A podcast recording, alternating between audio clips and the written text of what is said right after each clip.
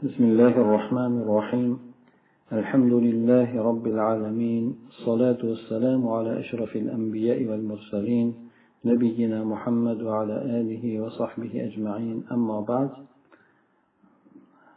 bay kitobidan bo'layotgan darsimizda o'tgan safar xiyor haqida ixtiyor ya'ni xiyorul majlis haqida Э, gaplashib o'tgandik hamda xiyor shart to'g'risida gaplashib o'tgandik э, hamda o'sha hop buni muddati hamda xiyorni o'zi haqida э, uni turlari haqida gaplashib o'tgandik ikkita turini gaplashib ikki tur haqida gapirib endi uchinchi turi haqida kelgan edi bu xiyoril ayb ekan.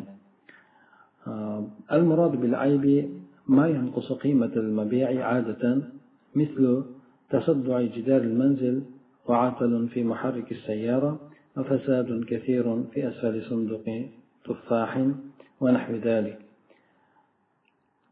عيد بلان بيت خيار عيد ديان دا عيد خبالة ديان بسا وشا إنسان دا أغان أدامنا اختيار اختيار تلخ فوق بيرلا ديان دا.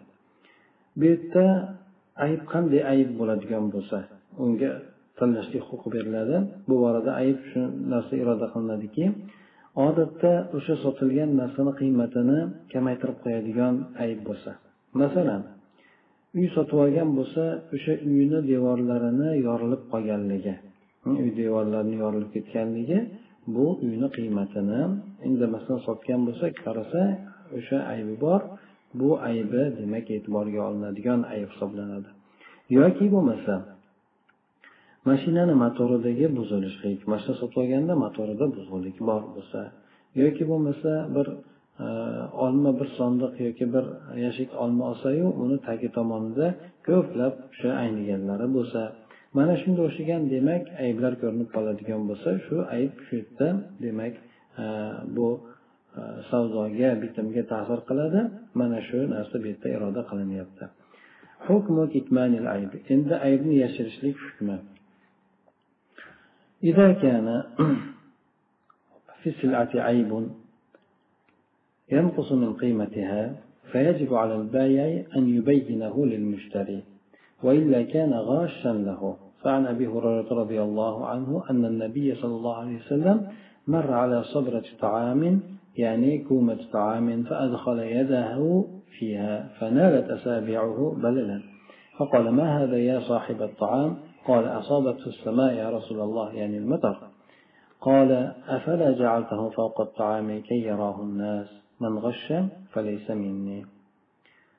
agar tovarda ayb bo'ladigan bo'lsa uni qiymatini kamaytirib qo'yadigan darajada ayb bo'ladigan bo'lsa savdo qilayotgan sotayotgan odamga albatta sotib oluvchiga xaridorga o'shani bayon qilishligi lozim bo'ladi vojib bo'ladi. Aks holda esa uni aldagan hisoblanadi.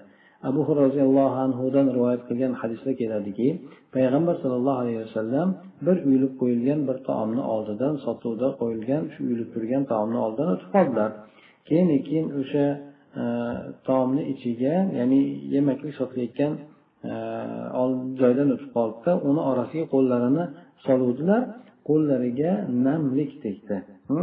Bu yerda aytdiki ey taom sohibi bu nimasi bu deganda ey rasululloh ya'ni osmon tekkan ya'ni yomg'ir tekkan bunga deb aytdi. Shunda yomg'ir tegishligi ba'zida o'sha e, mevani yoki bo'lmasa o'sha taom ya'ni xurmo shunga o'xshagan narsalarni tez aynishligiga sabab bo'ladi. Shundan demak bu narsa uni bahosiga ta'sir qiladi. Payg'ambar alayhi aytdilarki buni o'sha tepa tomoniga quruqlarni qo'yib turib pastiga suvligini yashirmasdan taomni tepasiga ham bundan qilmabsanda odamlar ko'rishligi uchun deb payg'ambar alayhisalom tanbeh berganlar hamda kim aldasa mendan mas deb ya'ni bu narsani ham aldov deb payg'ambar alayhissalom anglaganlar. عن عقبة بن عمر رضي الله عنه قال سمعت النبي صلى الله عليه وسلم يقول المسلم أخو المسلم ولا يحل لمسلم باع من أخيه بيعا وفيه عيب إلا بينه له. عقبة بن عمر رضي الله عنه رواية قلنا men payg'ambar sallallohu alayhi vasallamni shunday deb aytayotganlarini eshitganman. Musulmon odam musulmonni birodari hisoblanadi. Demak shunday ekan musulmon odamga o'zini birodaridan bironta bir savdo amalni qiladigan bo'lsa bironta bir savdo ishini qiladigan bo'lsa u bilan savdo muomalasini qiladigan bo'lsa o'sha savdosida sotgan narsasida ayb bo'ladigan bo'lsa albatta uni bayon qilib qo'yishlik kerak bo'ladi bayon qilmasligi halol bo'lmaydi deb payg'ambar alayhissalom aytgan ekanlar. من اشترى سلعة ثم تبين أن فيها عيبا لم يكن يعلم به قبل الشراء فإنه يخير بين أمرين. الأول رد السلعة وأخذ الثمن الذي دفعه كاملا. والثاني إمساك السلعة وأخذ الأرش. والأرش هو قسط ما بين قيمة السلعة وهي سليمة وقيمتها وقيمتها وهي معيبة. مثال ذلك اشترى صالح سيارة بثلاثين ألف ريال. فوجد في ناقل الحركة فيها القير قد أصابه العطل ولتقدير الأرش نفرض أن أهل الخبرة قدروا قيمة السيارة وهي سلمة بخمسة وعشرين ألف ريال وقيمتها وهي معيبة بعشرين ألف ريال فالفرق بين القيمتين وهو خمسة آلاف ريال يعادل خمسة خمس. قيمة السيارة وهي سليمة فخير المشتري في هذا الحال بين أمرين.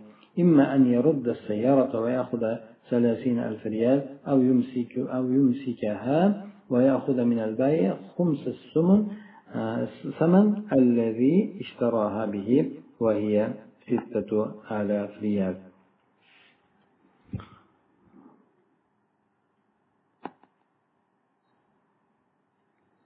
mushtariy uchun mushtariy uchun uh, sobit bo'ladigan uh, hukm endi. Hmm. Hop agar bir tovarda o'sha sotib olingan o'rtasidagi muomala qilingan tovarda ayb bo'ladigan bo'lsa bir tovarni sotib oldiyu unda aybi ko'rinib qoldi. Bilib qoldi aybi bor ekan. O'sha sotib olishlikdan oldin uni aybini bilmagan edi. Bunda hop sotib oluvchi xaridor ikkita ishni o'rtasida bo'ladi endi. Birinchisi tovarni qaytarib berib o'sha bergan pulini to'liq qaytarib olishlik huquqi bor. Ikkinchisi esa hop tovarni olib qoladida o'rtadagi farqni oladi. Arsh deganimiz bu. Bu tovarni sog'lom bo'lgan paytdagi qiymati bilan uni aybli bo'lgan paytidagi qiymatini orasidagi farq endi.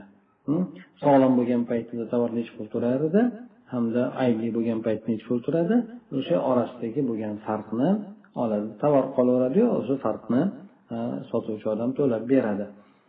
Mana shu demak ikki xil holatda bittasini ixtiyor qiladi. Buni misoli bir masalan solih degan odam mashina sotib oldi. o'ttiz ming realga olti ming kronga masalan sotib moshina sotib oldi. Moshinani motorida bir o'sha aybni topdi. Qayer ya'ni unga bir shu zapchasida ayb bo'lib qolgan ekan. Qayerda? Shu mashinani bir zapchasi. Hop. O'shanga bir tormozi shunaqa o'shanda ayb topdi. Bu yerda o'rtadagi farqni belgilashlik uchun biz faraz qilamizki mashinani mutaxassislari oldi sotdi mutaxassislari shu biladigan odamlar o'sha mashinani qiymatini qimmatini sog'lom bo'lgan paytida yigirma besh ming real deb belgilashdi. E, demak yigirma besh ming bu odam o'ttiz mingga sotib olgan lekin o'zi bozorda bu mashina odatda yigirma besh ming e, turar ekan endi. Bu yerda endi farqi yo'q. U odam o'ttizga oladimi o'ttiz beshga oladimi? Lekin odatda bu mashina demak yigirma besh mingga savdo bo'lar ekan. Bu odam demak o'ttiz mingga taxminan oldi deylik. Yigirma sakkiz mingmi o'ttiz mingmi uni farqi yo'q. Buni aybli bo'lgan paytdagi mana shu aybini e'tiborga olib qilinadigan bo'lsa aslida yigirma besh ming lekin aybi bilan bo'lsa yigirma ming. Baholanadi endi. Demak o'rtadagi farq besh ming real besh ming kron ekan masalan deylik. Bu besh ming o'sha mashinani sog'lom bo'lgan paytdagi qimmatini beshdan biriga to'g'ri keladi. Demak beshdan biriga bu odam aldanibdi bu yerda endi. Savdo qilgan odam sotib olgan odam mana bu holatda ikkita ishni o'rtasida ixtiyor qilinadi. Birinchisi mashinani qaytarib berib o'ttiz ming realni oladi. Yoki bo'lmasa mashinasi yoqqan bo'lsa olib qoladida sotgan odamdan o'sha sotib olgan bahosini beshdan birini qaytarib oladi. Bu olti mingdir ya'ni beshdan biri o'ttiz mingni beshdan birini oladi. Demak o'sha beshdan biri bu ayb beshdan biriga ta'sir qilar ekan. Demak bu odam o'ttiz ming olganda beshdan biri esa olti ming. O'sha olti mingni sotuvchidan qaytarib oladi. Demak bu shu aybni e, aybli chiqqan narsani agar bilmagan bo'lsa bunda xohlasa demak o'sha qaytarib turib pulini to'liq olib olar ekan xohlasa agar tovar qolishi kerak bo'ladigan bo'lsa tovarni olib turib o'rtadagi farqni albatta sotuvchi to'lashi kerak bo'lar ekan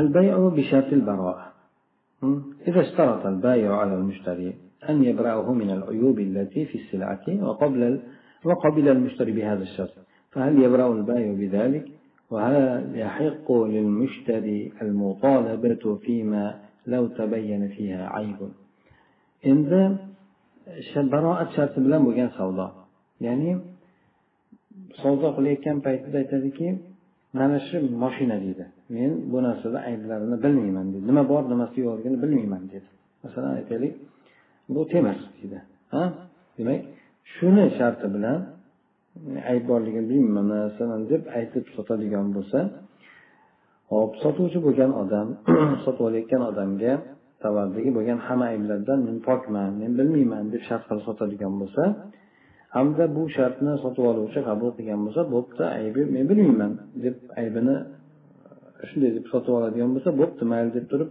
o'sha aybi bo'lsa ham deb sotib oladigan bo'lsa bunda sotuvchi bo'lgan odam shunday qiladigan bo'lsa o'sha mashinada yoki tovarda chiqadigan ayblardan haqiqatdan pok bo'ladimi?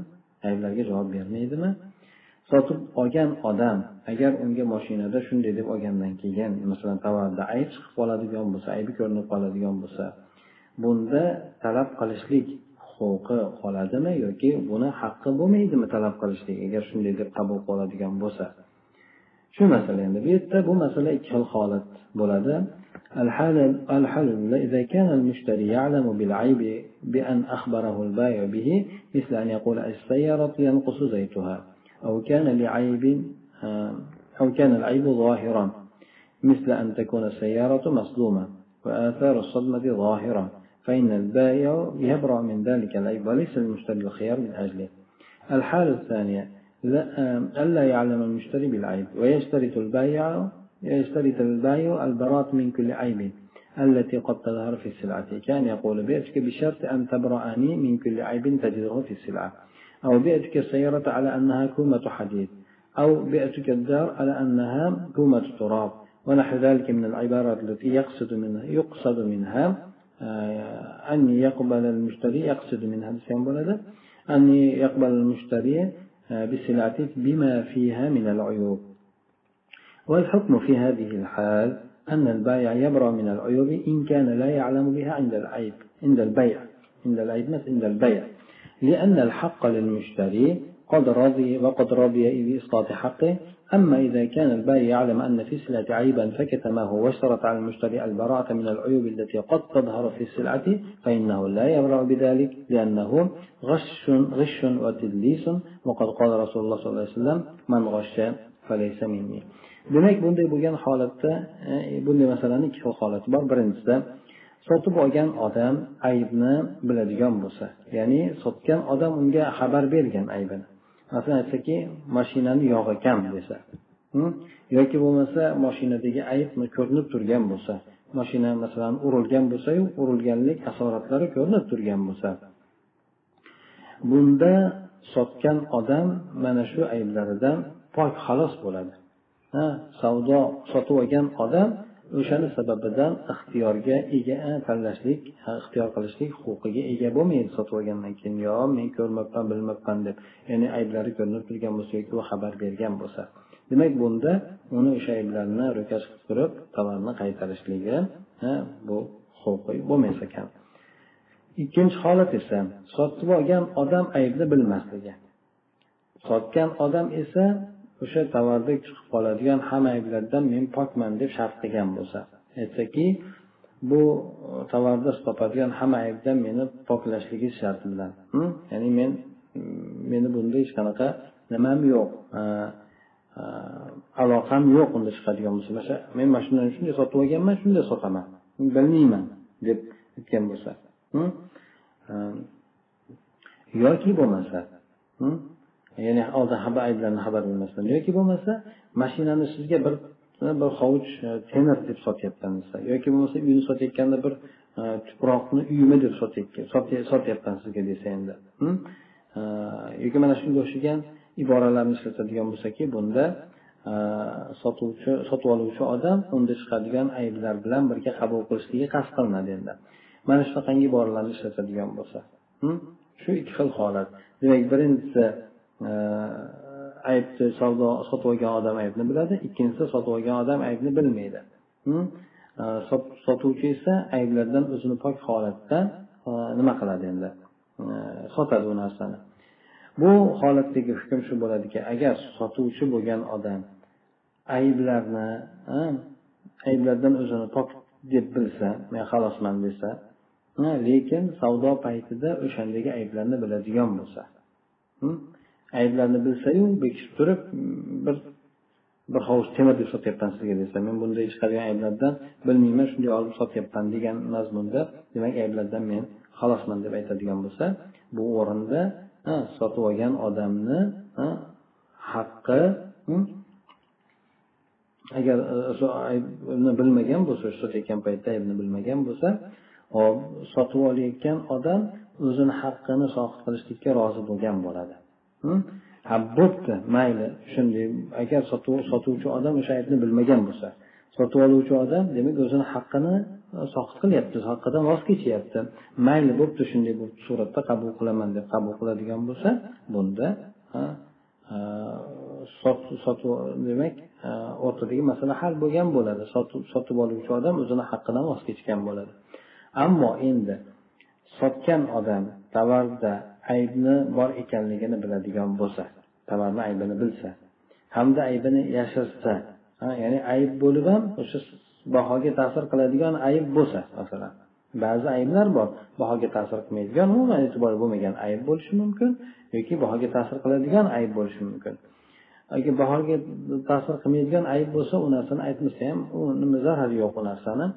Lekin ehm, ayb bahoga ta'sir qiladigan bo'lsa o'shani bekitsayu hamda buni ortidan o'sha sotib olayotgan odamga unda tovarda ko'rinib qoladigan ayblarni hammasidan men xalosman men hech qanaqa ayb bo'lsa qabul qilmayman men mana ko'rib oling deb e, aytadigan bo'lsa bu yerda bu bilan u odamni zimmasi pok bo'lmaydi. Chunki bunda aldov tadlis bor aybni yashirishlik bordir.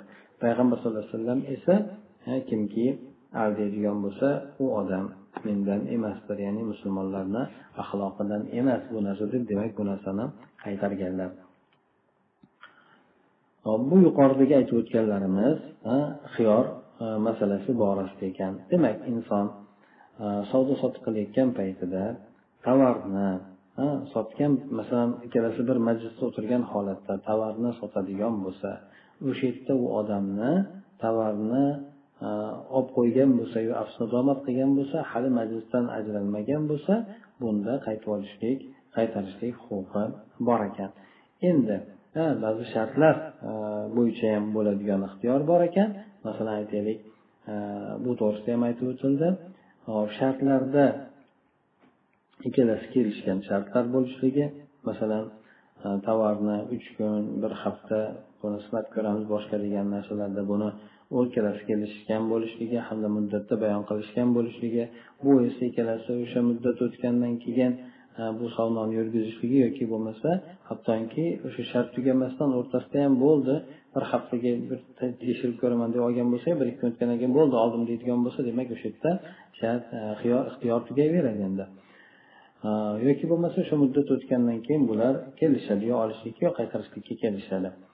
Endi xiyor ayb degani bor bunda ham mana qarab o'tdik. Agar bir tovarni aybi bo'ladigan bo'lsa bu ayb agar sotuvchi bo'lgan odam biladigan bo'lsa bu bahoga ta'sir qiladigan bo'lsa bu yerda sotib oluvchi bo'lgan odam ixtiyori tanlashlik huquqi bo'ladi.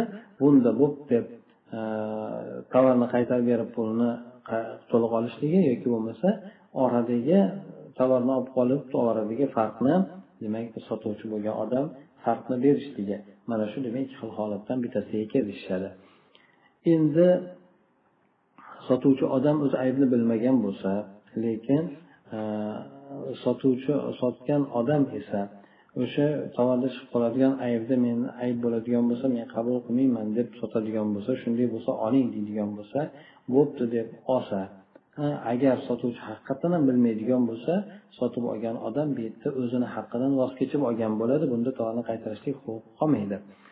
Endi yana shuningdek tovarda ayb shunday ko'rinib turgan bo'lsa hm, tovarda ayb ko'rinib turgan bo'lsa bu narsani men bilmabman deyishligi ham qabul qilinmaydi hm, ayb shunday ko'zini oldida ko'rinib turgan bo'lsa. Endi sotib olayotgan sotayotgan odam ayblarni biladigan bo'lsa hm, bekitib sotgan bo'lsa bunda albatta nima odamda? Garchi u odam sotib olgan odam o'zini haqqidan voz kechib olgan taqdirda ham lekin biladigan bo'lsa unda bu savdoni shu yuqoridagi aytilgandek qaytarib to'liq pulni qaytarib olishlik huquqi bo'ladi yoki bo'lmasa olib qolib turib o'rtadagi farqni olishlik huquqi saqlanib qoladi. Mana shu demak xiyor mavzusiga aloqador bo'lgan masalalar edi. Undan keyin ashurutu fil bay. Baydagi demak shartlar. تعرفها تعرف الشروط في البيع بأنها إلزام أحد المتعاقدين الآخر بسبب العقد ما له فيه منفعة أي غرض صحيح مثالها اشترى محمد سيارة واشترط على البيع نقلها إلى مدينة أخرى وتختلف الشروط في البيع عن شروط البيع من وجهين. الأول أن واضع شروط البيع هو الشارع. بينما الشروط في البيع يشترطها أحد المتعاقدين على الآخر. الثاني إذا اختل شرط البيع فسد العقد. بخلاف ما إذا اختل أحد الشروط فيه فيثبت الخيار للمشترط ولا يفسد البيع. والأصل في الشروط الأصل في الشروط في البيع هو الصحة واللزوم فلكل من العاقدين أن يضيف على أصل العقد شروطا يلزم بها طرف آخر. يلزم بها؟ الطرف الآخر. baydagi shartlar buni tarifi bayni ichida qilinadigan shartlar shunday deb ta'rif beriladi bu ikkita aqd qilayotgan ikkita savdo qilayotgan bay qilayotgan tomonlarni birisini boshqa tomonni o'sha o'zida o'zi uchun manfaati bo'lgan ya'ni sog'lom bir maqsadi bo'lgan narsani o'sha yerdagi aqd sababi bilan lozim tuttirishligi ya'ni ikkita aqdlashayotgan tomonni birisi boshqasini o'sha kelishuv sababli o'zida manfaati bo'lgan narsani qo'shib turib shart qilishligi hop buni misoli muhammad degan odam bir mashina sotib oldi.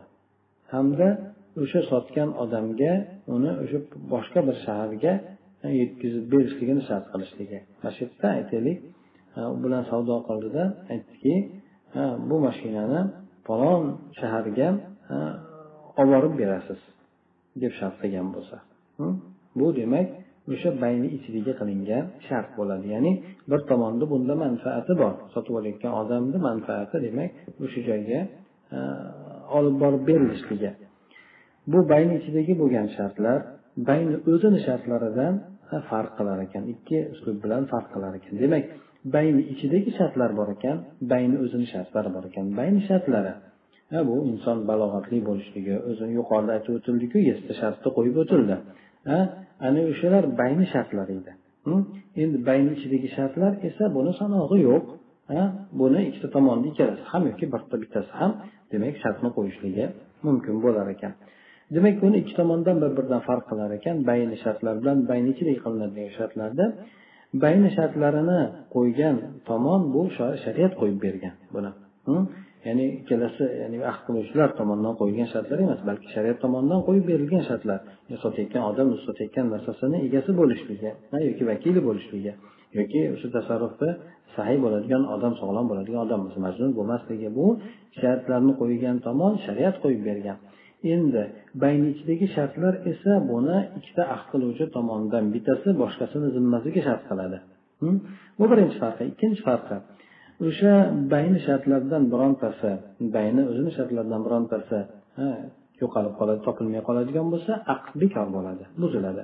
Bu yerda e, aksincha endi o'sha bayni ichida qo'yilgan shartlarni birontasi yo'qolib qoladigan bo'lsa bunda o'sha shart qilgan tomonga ixtiyor beriladi bay bekor qilinmaydi bu yerda. Masalan aytaylik falon shaharga olib borib berasiz desa bo'pti desayu u shaharga olib borib bermadi. Bu yerda bay bekor bo'lmaydi. Unda haligi odam ixtiyor bo'ladi. Yo bo'ldi olmayman deyishi mumkin yoki bo'lmasa mayli deb olaverishi mumkin. Ya'ni bu yerda e, o'sha shart qiluvchi odamga ixtiyor beriladi. Demak orasidagi farq mana shu narsalardan iborat ekan. Bayni ichidagi shart bilan bayni shartlari demak ayri ayri ayri bo'lgan e, narsalar ekan.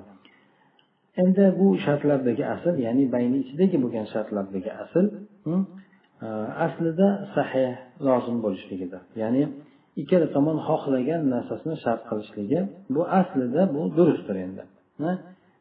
Shart qilaverishligi durust ana undan keyin shart qilgan narsasiga qaraymiz. Hmm, bu to'g'ri keladimi yoki yo'qmi? Lekin aslida shart qilishlik huquqi bor. hop ikkita ikkala ahd qilayotgan tomonlarni har biriga o'sha ahdni asliga kelishuvni asliga bir shartlarni qo'shishligi mumkin bu bilan boshqa tarafni lozim tuttiraveradi yoki boshqa taraf o'sha shartlarni bajarishlikka lozim bo'laveradi buni dalillari hop قوله تعالى يا أيها الذين آمنوا أوفوا بالعقود ومن الوفاء بالعقد الوفاء بما شرط فيه ثانيا عن عمرو بن أوف المزني رضي الله تعالى عنه أن رسول الله صلى الله عليه وسلم المسلمون على شروطهم إلا شرطا حرم حلالا أو أحل حراما dalillari birinchi alloh taoloni ushbu oyati ey iymon keltirgan kimsalar aqdlarga vafo qilinglar deb buyruq bu yerda aqdga vafo qilishlik jumlasidan bo'ladi aqd ichida qilingan shartga shart qilingan narsaga vafo qilishlik o'sha aqdga vafo qilishlikdan bo'ladi demak ahdga vafo qilinglar deganda ahd ichida kelgan narsalarga vafo qilinglar degan mazmun ham tushuniladi bu yerda. Shu ham o'sha ahdga vafo qilishlik ichiga kiradi ikkinchisi amr ibn avf al muzani roziyallohu anhudan rivoyat qilingan hadis ekan. Bunda payg'ambar sallallohu alayhi vasallam aytganlar musulmonlar o'zlarini shartlariga binoandir ya'ni musulmonlar shart qiladigan bo'lsa shartlari ularni zimmasiga tushadi.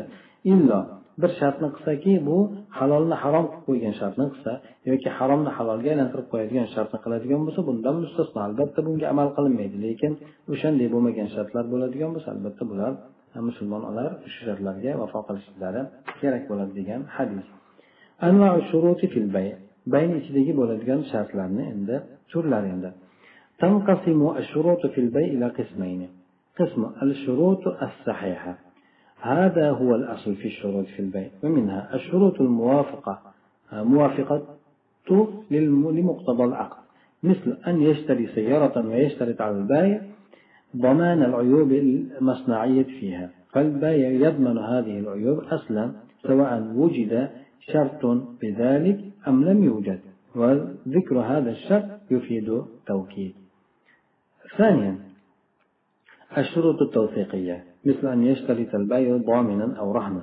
كان يشتري شخص من آخر سيارة بثمن مؤجل فيشترط البيع على المشتري ضامنا له بحيث إذا تأخر المشتري عن السداد فيحق البيع مطالبة الضامن بالثمن أو يشتري شخص جوالا بثمن مؤجل ويشترط البيع أن يرهنه المشتري ساعته بحيث إذا حل موعد السداد ولم يوفيه حقه. فإن البائع يستوفيه من ثمن الساعة بعد بيعها. ثالثا الشروط الوصفية مثل أن يشترط المشتري صفة معينة في المبيع أو في الثمن كأن يشتري سيارة ويشترط أن يكون لونها أحمر أو يشترط أن يكون الثمن أو بعضه مؤجلا. رابعا اشتراط نفع معلوم في المبيع سواء اشترطه البائع أو المشتري. فمثال اشتراط البائع كان يبيعه سيارة ويشترط أن يستعملها أسبوعا ومثال اشتراط المشتري أن يشتري منه قماشا ويشترط عليه خياطته hop birinchi qism demak sog'lom shartlar mana shu shartlarni sog'lom bo'lishligi baydagi shartlardagi asaldir bulardan mana quyidagilar. Birinchisi bu shartlar. Hop sog'lom shartlar. Aqdni taqozosiga aqdni talabiga muvofiq keladigan shartlar. Hm? Aqdni zimniga kiradigan shartlar yoki. Bir odam masalan bir mashinani sotib oldi. Sotgan odamga o'shandagi bo'lgan topiladigan o'sha Э, ayblarni kafolatini shart qilishligi. O'shanda qilingan o'shanda bo'lib mashina sotib oldida moshinadagi bo'lgan ayblarni kafolatini shart qilishligi. Bu yerda sotgan odam o'sha ayblarni o'zi aslida kafolatini oladi. Bu yerda o'shani shart qilinsa ham shart qilinmasa ham. Masalan moshinani sotib oldida ayblari bo'lsa to'g'irlab berasiz dedi. O'zi aslida moshinani ayb bo'ladigan bo'lsa odam to'g'irlab berishi kerak. Yoki to'lab berish kerak. O'zi aslida bu narsani aytsa ham aytmasa ham. Bu shart demak ta'kidni ta'kidlab olishlikni ifoda qiladi xolos. Ya'ni ahd tuzishga kiradigan shart hisoblanadi bu. Ikkinchisi e, masalan yo'q demaysiz ayb chiqadigan bo'lsa to'g'irlab berasiz. Deb aytsa ham o'zi bu ta'kidlab olishlik xolos bo'ladi. O'zi aytmasa ham o'zi aslida yuqorida aytib o'tganimizdek ixtiyor tushardi ikkinchisi tavsiqiy bo'lgan shartlar. Ya'ni ishonch ishonchnoma olishlik shartlari endi. Masalan bir sotgan odam bir sotuvchi bo'lgan odam hop mashinani yoki bir narsani sotadida bu yerda garovni yoki kafolatni shart qiladi. Bir shaxs bir shaxsdan bir mashinani sotib oladi. Ha bir e, nasiyaga nasiya pulga bir muddatga sotib oladi endi. Sotgan odam sotib olgan odamga bir kafolatni shart qiladi. Hm? Hop agar e, shunday haysiyatdaki agar sotib olgan odam o'sha nimani pulni to'lashlikdan o'sha muddatda pulni to'lashlikdan kechib ketadigan bo'lsa sotgan odamga o'sha o'rtada turgan kafolatga tutgan odamdan pulni talab qilishligi huquqi qoladi endi. Ya'ni e, bir odamni o'rtada grant qiladi. Garant qiladida e, ya'ni bir odam e, bir narsani sotib olayotgan bo'lsa bo'pti sizga kim kafil bo'ladi? O'sha nimangizga kafolat topganing. Mana bir odam yo'q men bo'ldi. Bunga men kafolat beraman. Agar mabodo bu odam bermasa men to'layman degan. Demak o'rtada e, bir nimani odam turadigan bo'lsa bo'pti beradi. Agar bu odam vaqt sotib olgan odam vaqtida to'lamaydigan bo'lsa o'sha o'rtada turgan odamdan talab qilishlik huquqi sotgan odamga sotuvchiga qoladi endi. Mana shunday qilib demak o'rtaga bir kafolat olib kelsangiz sotaman deyishligi mumkin. Yoki bo'lmasa bir shaxs bir e, telefonni e, bir narsa bir muddatga sotib oldi. E, hamda sotuvchi bo'lgan odam o'sha sotib olgan odamdan bir soatini garovga qo'yishligini shart qildi. Garov bo'pti mana shu soatni bir muddatga nasiyaga sotib olibdi bo'pti mana shu soatingizni menga garovga qo'yasiz. Ho'p agar o'sha pul to'lashlik muddati kelib qoladigan bo'lsayu bu odam o'sha haqqini ado etmagan bo'lsa bunda sotgan odam sotuvchi bo'lgan odam o'sha soatni sotgandan keyin pulidan o'sha haqqini undirib olaveradi endi. Demak o'rtada bir kafolat yo bir odam yoki tovarni kafil qilib olishlik maqsadda qilinadigan shartlar ekan. Uchinchi shartlar vasiy bo'lgan shartlar sifat. Endi bir sotib olgan odam tovar sotib olayotgan narsasidagi yoki bahodagi muayyan bir sifatni shart qilishligi. Hm? Bir odam masalan mashina sotib oladida uni rangi ko'k bo'lsin deydi yashil bo'lsin deydi masalan yoki oq bo'lsin qizil bo'lsin deydi yoki qilsa palondaqa rang bo'lmasin deydi shuni shart qiladi yoki bo'lmasa bahoni hm, pulini hm, masalan dollar bo'lsin deydi yoki yevro bo'lsin deydi yo bo'lmasa naqd bo'lsin bir muddati masalan palonchasi nasiya bo'lsin. Mayli aytaylik yarmini nasiya beraman deb shart qilishligi mumkin hm. Yoki bo'lmasa sotayotgan odam yarmini naqd qilib berasiz deyishi mumkin. Xullas kalom demak bu yerda vaqt sotilayotgan tovar yoki sotib olinayotgan pul ikkalasi e, da bo'ladigan shartlar endi. U tomon qo'yishi mumkin yoki bu tomon qo'yishligi mumkin? To'rtinchisida hop sotib olinayotgan narsadagi ma'lum manfaatni shart qilishlik. Bu yerda sotib olayotgan odam shart qiladimi sotayotgan odam shart qiladimi farqi yo'q. Sotuvchini shart qilishligini misoli masalan bir mashinani sotadida uni o'zi bir bir hafta ishlatib turishligini shart qiladi. Bo'pti bir hafta minib turaman bir hafta ishim bor deydi bir haftadan keyin olib ketasiz deydi. Yoki bo'lmasa sotib olayotgan odam bir materialni sotib oldida o'shani menga ko'ylak qilib tikib ham berasiz deb shart qiladi. Bu narsa ham demak joiz bo'lgan ya'ni o'sha tovardaga ma'lum bir manfaatni qo'shib shart qilishlik. Bu ham durust bo'lgan shartlarga kiradi. Beshinchidan لمقتضى العقد بأن يقيد أحد العاقدين الآخر في تصرفه في المبيع أو في الثمن كان يكون لشخص أرض قريبة من داره فيبيعها على زميله بشرط أن لا يبيعها لأنه لا يرضى بجوار غيره ونحو ذلك سادسا اشتراط عقد في عقد كان يجمع بين بيع وبيع مثل أن يقول بعتك سيارتي بعشرين ألف ريال بشرط أن تبيعني سيارتك بثلاثين ألف ريال. أو يجمع بين البيع والإجارة مثل أن يقول بعتك داري بمليون ريال. بشرط أن تؤجرني دارك مدة ثلاث سنوات بمئة ألف ريال. فهذه شروط صحيحة ما لم يكن أحد عقدين أحد أحد العقد أحد العقدين قرضا beshinchi sharti taqidiy qaydlab qo'yiladigan ya'ni aqdni taqozosiga muxolif suratda qaydlanadigan shartlar ya'ni aqdni taqozo etadigan narsasi bor ya'ni taqozo etadigan narsasi nima bu sotib olgan odam tovardan foydalanishligi sotgan odam esa o'sha puldan to'liq foydalanishligi mana shuni qaydlab qo'yishlik bu yerda ikkita aqd qilayotgan odamni bittasi boshqasiga qaytmaydi o'zini tasarrufida ya'ni sotib olgan narsasi yoki o'sha pulida e, tasarruf qilishligini qaydlaydi. Misol aytadiki bir odamni o'zini uyiga yaqin bo'lgan yeri bor. Uni bir do'stiga sotyapti bir odamga sotyapti endi. Shu shart bilanki buni sotib yubormaysiz sotib yubormang agar mabodo sotadigan bo'lsa o'zimga sotasiz deb turib shart bilan qiladi endi.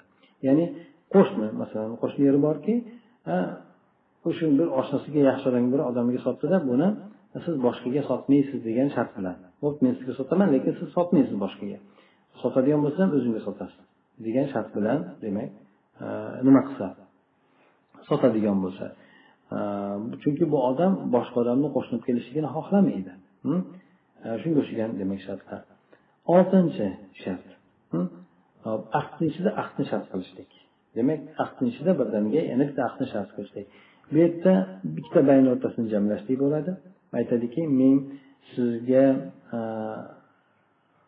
mashinangizni yigirma realga bo'pti sotib olaman. Shartki e, sotaman. Hop shartki siz menga mashinangizni o'ttiz ming realga sotasiz. Ya'ni sizdan u sizdan bu qilib savdo qilinishligi men mashinani yigirma mingga sotaman siz menga mashinangizni o'ttiz mingga berasiz desa. Yoki bo'lmasa ho'p ya'ni ikkita narsa shart men sizga bunani sotaman siz menga anani sotasiz deb shart qiladigan bo'lsa. Yoki bo'lmasa bay bilan ijarani ijarani o'rtasini jamlaydigan bo'lsa. Aytsaki bu men e, sizga hovlimni million realga bo'lib sotaman. Shart shuki siz hovlingizni uch yil muddatga yuz mingga menga ijaraga berasiz. Bir millionga sizga sotaman. Lekin shu shart bilanki uch ming e, uch yilga yuz mingga siz menga o'sha nimani ijaraga berasiz uyda. Deb demak shunday qilib shart qilishligi bu yuqorida kelgan shartlar demak durust. Modomiki aqdni bittasi qarz bo'lmaydigan bo'lsa edi. Demak yuqoridagi shartlar hammasi durust bo'ladi aqdni mana bu keyingisida ham oxirgi oltinchi shartda ham bu shartlar durust bo'ladi. Modomiki aqdni bittasi qarz bo'lmasa naqma naqd bo'ladigan bo'lsa ha? Ya'ni qarz bo'lib ya'ni riboga kirib qolmaydigan bo'lsa bu yuqoridagi bo'lgan shartlar beshtala shart ham kelishadigan bo'lsa bu oltinchi bo'lgan shart ham bayni ichiga bayni kirgizishlik yoki bo'lmasa bay bilan ijarani jamlashlik bu narsa joiz bo'ladi. Ho'p e, bu yerda lekin e, mana oxirgisida bunday ixlof qilishgan oxirgi oltinchi shartda jinday ixlof qilishgan. Hop bayni bayni ichiga kiritishlik bay bilan bayni qo'shib e, savdo qilib bitta bayda ikkita bayni qo'shishlik bayni shu narsalarni demak qaytaruvchi tomon ham bor. O'rtada demak dinlik bu masala ixtilofli masala ekan. Shuning uchun bu kishi keltirib qo'ydiki aqdni bittasi qarz bo'lmaslik sharti bilan dedi. Ya'ni o'sha ya'ni bunday bo'ladiki masalan bir odam kelib menga yuz ming shart yuz ming qarz berib turing desa yuz ming qarz turib bo'pti qarz beraman lekin meni uyimni yigirma mingga sotib olasiz desa demak ikkita bu yerda bittasi qarz bo'lyapti. Ha yigirma mingga sotib olasiz deb bu bay bo'lyapti. Ha birinchisi qarz bo'lyapti. Mana shu narsa joiz emas. Demak bu qarz berib turib orqasidan manfaatni qo'lga kiritishlik bor mana shu sababidan qarz keltirgan manfaat esa bu ribo turidan bo'ladi shuning uchun bu narsa durust emas agar qarz bo'lmasdan ikkalasi rosmona bir biriga aqd bo'ladigan bo'lsa bu narsani joiz deb aytishgan ekan hop yettinchi shart shart jazoiy بشرط أن يكون محل محل الالتزام فيها عملا كأن يتفق شخص في مقابل على بناء بيت بمليون ريال. فإن تأخر في التسليم فيخصم واحد من مئة عن كل شهر متأخر. فائز. أما إن كان محل الالتزام مالا فلا يصح لأنه يؤدي إلى الربا. ومن ذلك ما يعرف بغرامة التأخير مثل أن يبيع شخص سيارة بأجل بالأجل ويشترط على المشتري أنه إن تأخر عن السدد فيدفع غرامة عن التأخير بقدر مثلا فائز واحد شهريا عن المبلغ المتأخر. الثامن الشروط التعليقية مثل أن يقول بعتك سيارتي بعشرين ألف ريال إن رضي والدي. فيقول الآخر قبلت. فإذا رضي والده لزم العقد. من ذلك أيضا بيع العربون. فجميع الأنواع السابقة من الشروط من الشروط صحيحة ويلزم الوفاء بها وذلك لأن رغبات الناس تختلف فكان في إباحتها موافقة للحكمة التي من أجلها أبيح البيع. يتنشر جزائي شرط اشتراك sharti ho'p bu yerda shu shart bilan bo'ladiki ho'p unda iltizom mahalli ya'ni o'sha shartni lozim tutishlik o'rni amal bo'lishligi ya'ni mablag' emas mol emas ya'ni amal bo'lishligi. Bu nimani? Masalan keltiryaptiki bir shaxs bir uy qurib beradigan tashkilot bilan bir million realga ittifoq qilib tuzadi endi. Ya'ni bir bir ustalar masalan ustalar bir odam uy qurmoqchi. Uy qurmoqchida ustalarni yolladi ustalardan kelishdi mana shu mana shu proyekt bo'yicha menga uy qurib berasizlar dedi. Bo'pti dedi ular bo'pti uch oy ichida sizga o'sha uyni topshiramiz deb kelishdi. Bu odam bo'pti palon mablag'ni beraman dedi. Endi mabodo ular har bir necha qancha muddat masalan bir hafta kechikadigan bo'lsa har haftasiga bir foizdan yoki ikki foizdan kam beraman. Masalan aytaylik uch oyda bitirib beradigan bo'lsanglar o'n ming dollar beraman. Agar to'rt oyda bitirib bersanglar to'qqiz ming dollar beraman. Hm? Sizlar ming dollarga ziyon qilasizlar. Ya'ni ming dollar kam beraman. Deb masalan agar o'n ikki oyda E, o'n masalan bir yilda bitiradigan bo'lsanglar unda sizlarga besh ming beraman. O'n ming bermayman deb shunaqa nima kelishuv qiladigan bo'lsa bo'pti deydigan bo'lsa bu yerda demak topshirishlikda kechikadigan bo'lsa har bir kechikkan oydan bir foizdan urib qolib qisqartiraveradigan bo'lsa masalan bir foiz nechi foiz bo'ladigan bo'lsa bu mana shunaqa sharti bilan bo'lishligi yettinchisi ya'ni bu yerda bir tomondan mablag' ikkinchi tomondan amal bo'ladigan bo'lsa bunda jazoiy suratda qilinadigan shart joiz deb aytilgan. Endi ammo e, o'sha yerda lozim tushlik o'rni mol mol bo'ladigan bo'lsa mablag' bo'ladigan bo'lsa bu durust bo'lmaydi. Masalan bir odam pul berganda bir oy kechikadigan bo'lsa paloncha masalan qo'shib berasiz desa masalan yoki bo'lmasa kamaytirib nima qilishlik buni aksi. Xullas kalom bu narsa riboga olib boradi. Bir tomonda manfaatlanishlikka olib boradi. Bu o'rtada e, amal bo'ladigan bo'lsa bo'laveradi mol qo'yiladigan bo'lsa bo'lmaydi ha bundan misol masalan g'aromat tahir pinna masalalari ham shu ya'ni g'aromat tahir degani e, o'sha to'lashlikdan kechikadigan nima? Masalan e, kvit bizda. Kvitto agar vaqtida to'lamasangiz ellik qo'shimchasi bilan keladi. Mana shunga o'xshagan narsalar penni tug'ishligi. Hop yana to'lamasangiz yana ziyoda bo'ladi mana bunga o'xshagan shunday deb e, deb yoki bo'lmasa o'sha kechikkanligiga olinadigan e, jarimalar deb taniladigan surati. Bunda bir odam bir mashinani bir muddatga sotib oladi. Sotuvchi sotib olgan odam e, sotgan odam shart qiladiki agar vaqtida to'lolmasangiz o'sha kechikkaningizdan jarimasini o'sha nimasini olib turamiz g'aromasini olamiz. Masalan har oyga bir foizdan qo'shiladi. Desa o'sha kechikkan mablag' desa bunday qo'yiladigan bo'lsa hop masalan besh mingga sotyapman mashinani agar bir yildan o'n uch oyga o'tadigan bo'lsa unda hop bir foiz qo'shiladi. Besh mingga bir foiz qo'shiladi. Ya'ni siz besh dollar masalan yoki qo'shib berasiz. Yoki bo'lmasa aytaylik manancha keyingi oyiga o'n dollar qo'shib berasiz deb mana shunaqa yoki yuz dollar qo'shib berasiz deb aytishligi bu kechikkaniga olinadigan nima bo'lsa e, mablag' bo'ladigan bo'lsa bu riboga olib borib qo'yadi. Bu narsa mumkin emas. E, shuning uchun e, elektr tok nimalari sharti jazoi deb qo'yiladi. Buni ba'zi olimlar joiz deb aytishgan lekin ko'pchilik olimlar bu narsani bo'lmaydi. Bu narsa riboga olib boradigan ribodan deb aytishgan.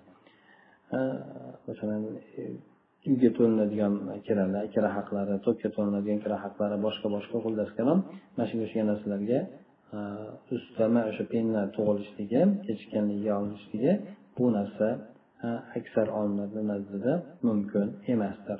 Lekin amal bo'ladigan bo'lsa amalga kechikadigan bo'lsa bu narsa bo'ladi masalan bir odam bir odamga kosibga masalan yuz sopurchik berishligiga nima qildi? Kelishdi. Bir oydan keyin tayyor qilib beraman dedi. Mabodo agar o'ttiz besh kunda tayyor qilib bergan bo'lsangiz men ming dollar beraman sizga to'qqiz yuz ellik beraman. Agar to'rt oyda qilib beradigan masalan qirq kunda qilib beradigan bo'lsangiz to'qqiz yuz dollar beraman sizga. Deb demak o'shandan hasm qilishligi bu yerda mumkin bo'ladi. Hop yoki bo'lmasa uni aksi hmm? agar bir oyda qilib bersangiz ming dollar beraman. Agar ikki oyda qilib beradigan bo'lsa bir ming bir yuz beraman deb qilishligi. Hmm? Bu narsalar demak e, o'rtada bo'ladi endi bu narsalar. Lekin aytib o'tganimizdek tovar bilan bo'ladigan bo'lsa nima bilan bo'ladigan bo'lsa bu mumkin emas ekan. E, mol bilan bo'ladigan bo'lsa mumkin emas ekan. Endi sakkizinchisi taliqiy shartlar. Bir odam masalan aytishligiki men mashinani yigirma mingga menga sizga sotaman. Agar otam rozi bo'lsa desa. Bo'pti men sizga masalan mana shu moshinani soting bo'pti men sizga shu moshinani sotdim. Sotdim. Sotaman emas sotdim. Hm? Agar otam rozi bo'lsa dedi. Boshqasi aytdiki bo'ldi oldim dedi. Agar otasi rozi bo'lsa ahd ketaveradi o'sha yerda. Kelishilgan ahd demak joriy qilinaveradi. Otasi rozi bo'lmasa demak bay bekor bo'ladi. Hop ana o'shani jumlasidan bayl arbun degani e, zakalat berib zakalat ham xuddi shunga o'xshagan narsa. Bayl arbun deb e, arbun deganda inson zakalat berib qo'yadi masalan e, bir narsani olaman desa masalan zakalat berib qo'ying masalan unga bo'pti olasizmi olaman. Bo'lmasa yuz so'mlik narsaga misol yigirma so'm zakalat berib keting deydi. Hm? Bu savdo ham bo'laveradi endi. Kelsa shu saksonni qo'shib beradi agar kelmasa yigirmaga kuyib qolaveradi. Bu yuqorida o'tgan turlarni hammasi shartlarni turi sahiydir bunga vafo qilishlik lozim bo'ladi. Chunki odamlarni e, nima rag'batlari bir biridan farq qiladi. E, demak e, bu narsalarni muboh qilishlikda o'sha bay muboh qilingan bilan muboh qilingan hikmatga muvofiq keladi. Ya'ni odamlarni o'zlariga yarasha qiziqishlari bor. Agar qiziqishlari Mm, man qilingan narsadan bo'lmaydigan bo'lsa bunda odamlarga xuddi bay muboh qilingandek bularni o'sha qiziqishlari shartlari ham muboh qilinganda. Chunki odamlarni talablari har xil bo'ladi. Ana shunga ijobatan demak shariat bu narsalarga ruxsat berib qo'ygandir. Demak yuqoridagi bayni ichidagi bo'lgan sog'lom bo'lgan shartlar to'g'risida gaplashib o'tdik. Demak shu sakkizta shartni aytib o'tdi. Demak bu shartlarni demak yaxshi yodda saqlab qolishlik kerak bo'ladi. Qaysi qaysi shartlar bo'ladi qaysi qaysi shartlar bo'lmaydi. Endi shartlar bo'lmaydigan shartlarni esa inshaalloh kelgusi darsimizda ko'rib chiqamiz. Yuqoridagi o'tgan shartlar demak agar ikki tomon kelishadigan bo'lsa bo'laveradi. Ikkala tomon qabul qiladigan bo'lsa bo'laveradi. Albatta ikkala tomon. Yana qaysi bir tomon bu shartlarni o'zini zimmasiga olsa ado etishligi lozim bo'lar ekan. سبحانك اللهم وبحمدك نشهد أن لا إله إلا أنت نستغفرك ونتوب إليك. اللهم انفعنا بما علمتنا وعلمنا ما ينفعنا وزدنا علما. السلام عليكم ورحمة الله وبركاته.